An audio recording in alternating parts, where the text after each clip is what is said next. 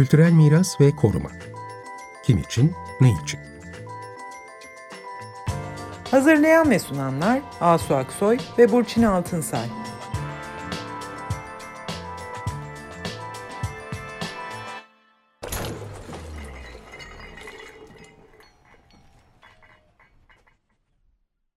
Merhabalar. Merhabalar. Açık Radyo 25 yılı geride bırakarak bugün 52. yayın dönemiyle 26. yılına girdi. Ve biz bugün aslında çok sevinçle böyle yeni bir programla karşınızdayız. Kültürel miras ve koruma kimin için, ne için? Ben Asu Aksoy.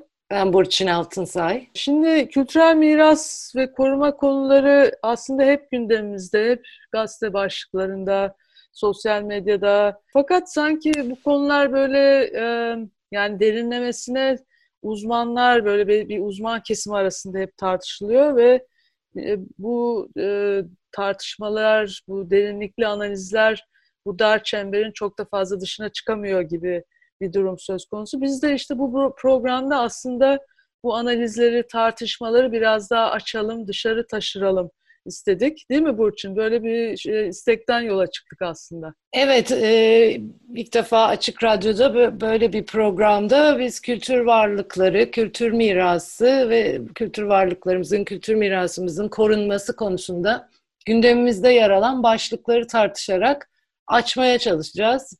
E, bu zaman e, sıralarda sosyal medyanın da büyük etkisiyle sürekli konuşulan bir konu haline geldi kültürel miras. E, herkesin dilinde kültürel mirasımızı korumalıyız, miras değerlerini gelecek nesillere aktarmalıyız. Burası kötü restore edilmiş, korunmamış, ne yapmışlar, yanlış olmuş gibi e, tartışmalar sürekli e, gündemde.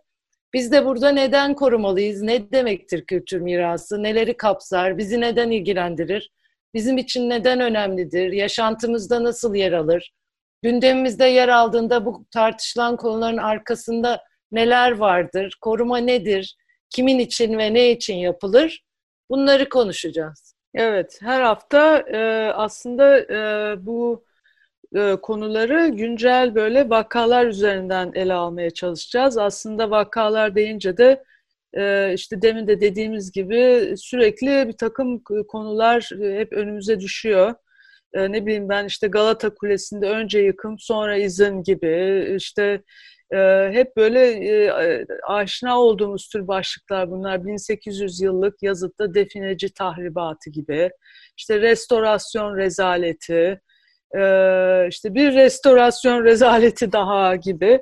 Hep böyle bir takım aslında e, bir şeyler oluyor bu alanda tartışılıyor bu konular biz bunları daha böyle birer vaka gibi aslında e, ele alıp hani bu e, durumların arkasındaki, arka planındaki şeyler, dinamikler nedir? E, işte burada çeşitli kamu idareleri var, onların politikaları var, çeşitli mevzuatlar var, mevzuat değişiklikleri var e, filan. Yani böyle bir e, aslında bağlamına da oturtarak e, ve bu hangi tür bir politik belki yaklaşımdan da geliyor, bunun gerisine, ilerisine bütün bunları böyle analiz etmeye çalışacağız. Tabii çok dar bir zamanımız var.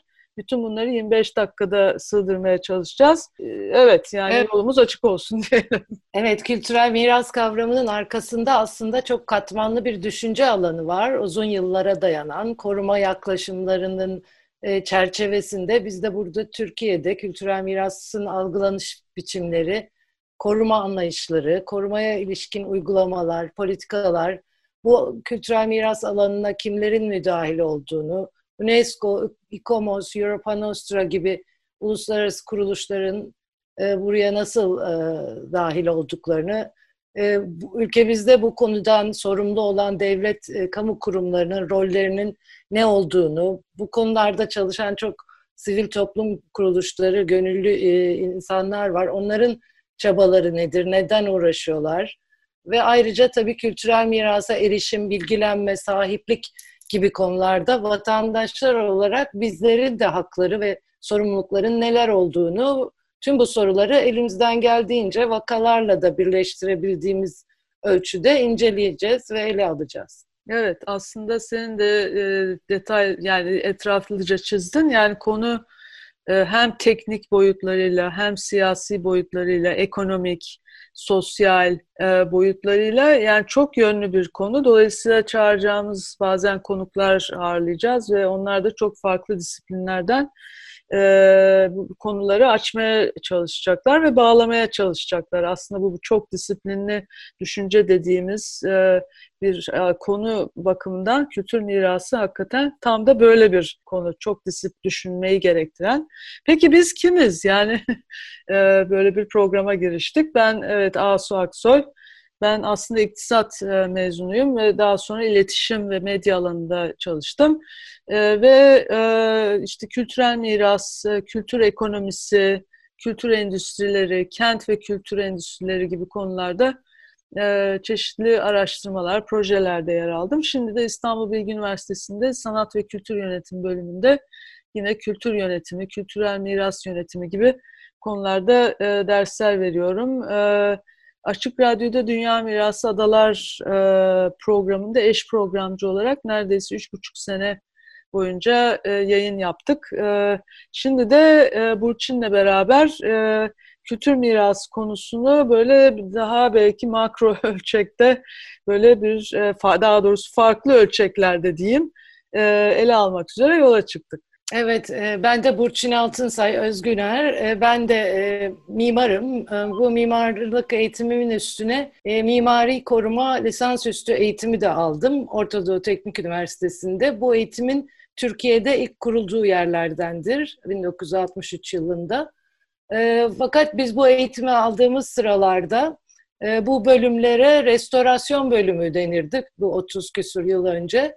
E, fakat be, e, restorasyon aslında bu koruma faaliyetinin e, içindeki e, seçilebilecek yollardan biri. Restorasyon kelimesi biraz aslına döndürmek e, anlamını da içerdiği için ben her zaman koruma demeyi tercih ediyorum ve o yüzden kendime de koruma mimarı diyorum.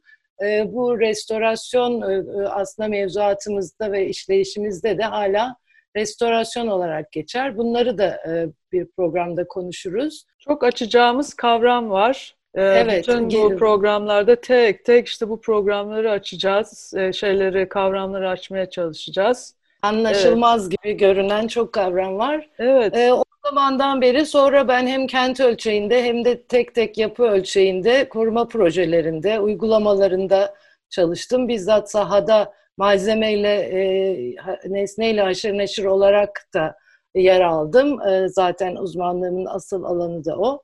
Öbür taraftan akademik ortamla da bağlarımı sürdürdüm. Çeşitli üniversitelerde mimari koruma konularında dersler verdim. E, hatta e, usta yetiştirme, ara eleman yetiştirme programlarında da e, dersler verdim. Çünkü uygulamada bu çok önemli. Milli Saraylar Daire Başkanlığı, Vakıflar Genel Müdürlüğü ile ilişkili e, işlerde de çalışarak devlet kurumlarının da biraz işleyişine e, vakıf oldum. E, 30 küsur yıldır bu konuda çalışıyorum e, ve e, kafa yoruyorum, düşünce üretiyorum. Bunları elimden geldiği kadar e, sizlerle paylaşmaya çalışacağım. Ben ilk defa bir radyo programında böyle bir şeye kalkışıyorum. Evet, e, şimdi bugün e, aslında zor bir kavramla giriyoruz diyebilir miyiz? İlk programımızı rekonstrüksiyon üzerine konuşacağız.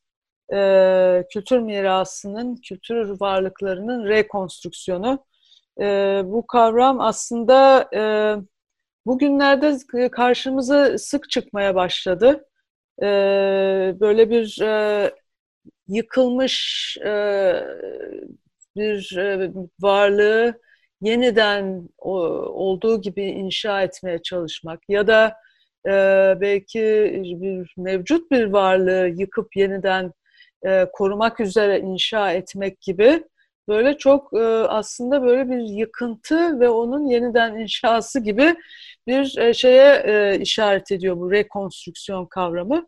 ve bu gerçekten yaygın bu, bu sıralarda çok karşımıza evet. çıkıyor değil mi Burçin? Ee, çok karşımıza çıktığı için de zaten buradan başlamayı e, seçtik. E, rekonstrüksiyon aslında koruma yaklaşımlarının en uç noktasında yer alır. Yani biz aslında en tersinden başlıyoruz koruma ile ilgili ve kültürel mirasla ilgili konuşmaya. Çünkü anlaşıldığı gibi rekonstrüksiyon yeniden yapmak, yeniden inşa etmek demek. Ee, ama bugünlerde e, gündemimize ne yazık ki kültür varlıkları ve kültürel miras, yıkımlar, tahribatlar ve yok oluşlar üzerinden geliyor. Tarihin tarihi bir eserin yeniden yapılmasının koruma olarak algılandığı öneriler sıklıkla önümüze çıkıyor. Ee, mesela eski eserleri ihya etmek diye de yepyeni bir şey ortaya çıkarıldı. Bu da tamamen olmayan, yerinde olmayanların rekonstrüksiyonu, yeniden yapımı manasına geliyor. Evet, yani e, aslında yani kültür mirasını korumak dediğimizde e, mevcut bir yapıyı, dokuyu, e, peyzajı bir bütünlüğüyle yaşatmaya çalışmak, onu devam ettirmek, onun değerlerini aktararak, yorumlayarak devamını sağlamaya çalışmaktan bahsederken rekonstrüksiyon kavramı aslında bir yık yıkmak ve yeniden yapmak gibi böyle bir karşımıza bambaşka bir e, şey e, paradigma getiriyor. Bunu şimdi e, bir açmaya çalışacağız. Yani bunun örnekleri nelerdir diye hani duyuyoruz dedik. İşte 2012 yılındaydı değil mi? Mecidiyeköy'deki bu eski işte tarihi likör fabrikası işte ayaktaydı o bina işte böyle bir modern erken modern dönem şeydi mirasıydı değeriydi oraya çok büyük bir kazar adıyla işte çok büyük bir ofis rezidans falan gibi böyle bir kompleks geldi ve o binanın yıkılıp yerinin değiştirilip yeniden başka bir konumda o kompleksin içinde inşa edilmesi mesela söz konusu oldu. O dönem bu rekonstrüksiyon konuşulmuştu. Da, tabii daha sonra 2013 yılında da çok iyi bildiğimiz Taksim Gezi Parkı'nda e, işte o tamamen yıkılmış olan, ta 40'larda yıkılmış olan e, Topçu Kışlası'nın e, yeniden e, işte inşa edilmesi, ihya edilmesi gibi yine orada da bir re rekonstrüksiyon vakasıyla karşı karşıya kalmıştık. Bugün e, bu konuyu Bursa Merkez Bankası üzerinden konuşacağız. Evet, biz e, bu programda rekonstrüksiyonu Bursa Merkez Bankası üzerinden e, konuşmayı seçtik. E, çünkü bu, e, bu, bu özel örnekte bu rekonstrüksiyonu, binanın yani yeniden yapılması bir koruma kararı olarak ortaya çıktı. Yani korunmasının son bir e, seçeneği olarak ortaya çıktı ve re, rekonstrüksiyonu öngörülerek yıkıldı bu yapı. Bu kararın arkasında neler olduğunu birazcık e, konuşacağız. Nasıl buraya gelindi? Bu yapı özel bir yapı. E, önemli bir 20. yüzyıl modern mimarlık örneği, e, likör fabrikası gibi. E, Bursa Merkez Binası Şevki Vanlı ve Ersen Gömleksizoğlu'nun 1965'te Ulusal Mimarlık Yarışması'nda birinci gelen projelerine göre 1967 yılında Bursa'da Çarşıbaşı bölgesinde inşa edilmiş. Yapıda tabii adından da anlaşılacağı gibi banka ofisleri ve lojmanlar, konut birimleri çalışanlar için ve yine onların kullanacağı sosyal mekanlar da içeren e, özgün bir e, mimari eser.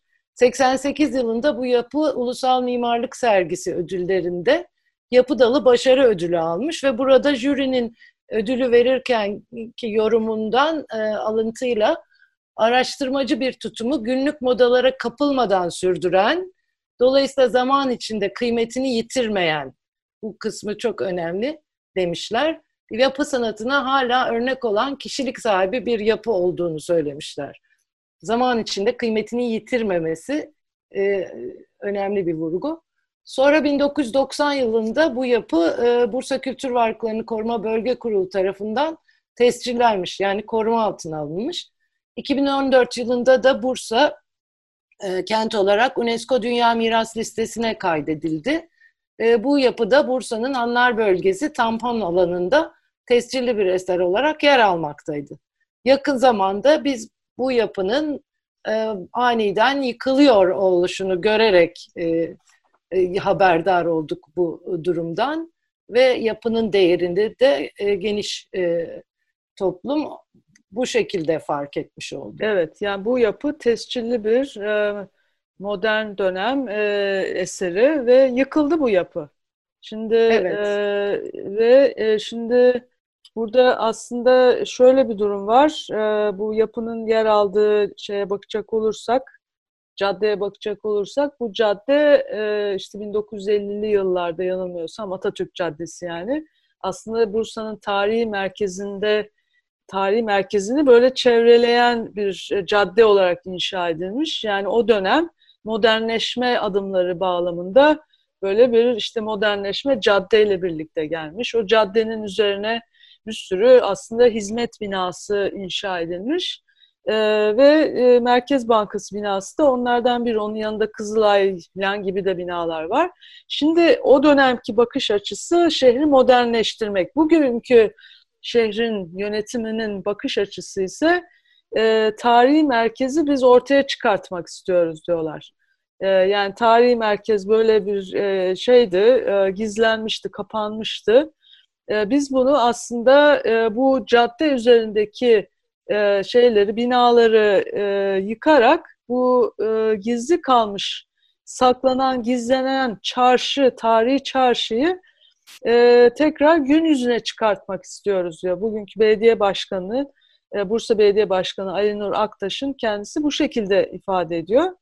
Ve diyor ki e, tarihi çarşı ve hanlar bölgesini çevreleyen sonradan yapılan binalar kaldırılacak ve hem bölgeye bir meydan kazandırılacak ve hem de Bursa'nın tarihi kimliği yüz, gün yüzüne çıkacak.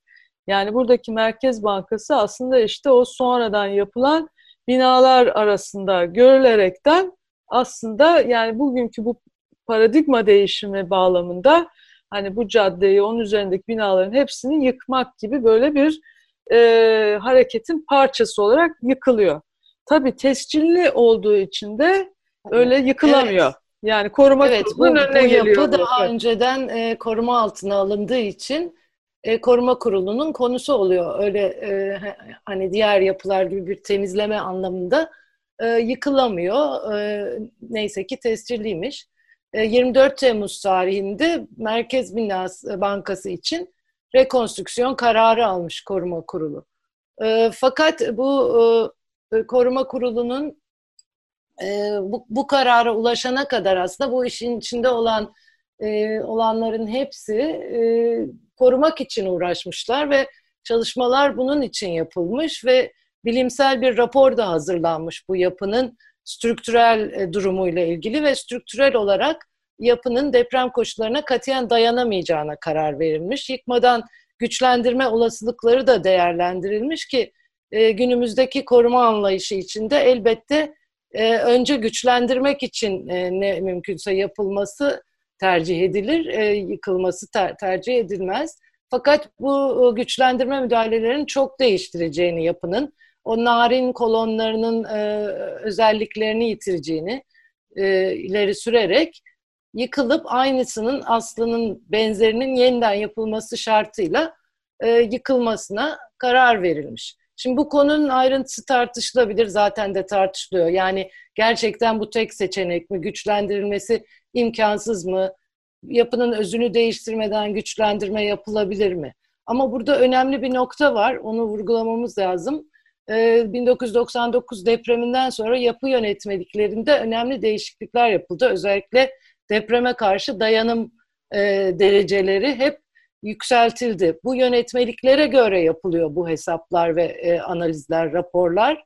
Ve burada genellikle tabii hep sağlam tarafta kalmak için bu hesaplar çok fazla e, yapılıyor. E, bu zaten koruma mimarlarıyla mühendisler arasında böyle eskiden beri gelen bir çelişkidir. E, ama artık bu konuda da e, mühendis arkadaşlarımız da koruma konusunda eğitim alıyorlar ki daha e, uyumlu çalışabilmek için. E, bu yönetmeliklerdeki bu koşulların ve şartların çok ağır olması tarihi yapılar yani eski yapım yöntemleriyle yapılmış yapılar üzerine büyük bir yük getiriyor. Çünkü onların sistemi değişik.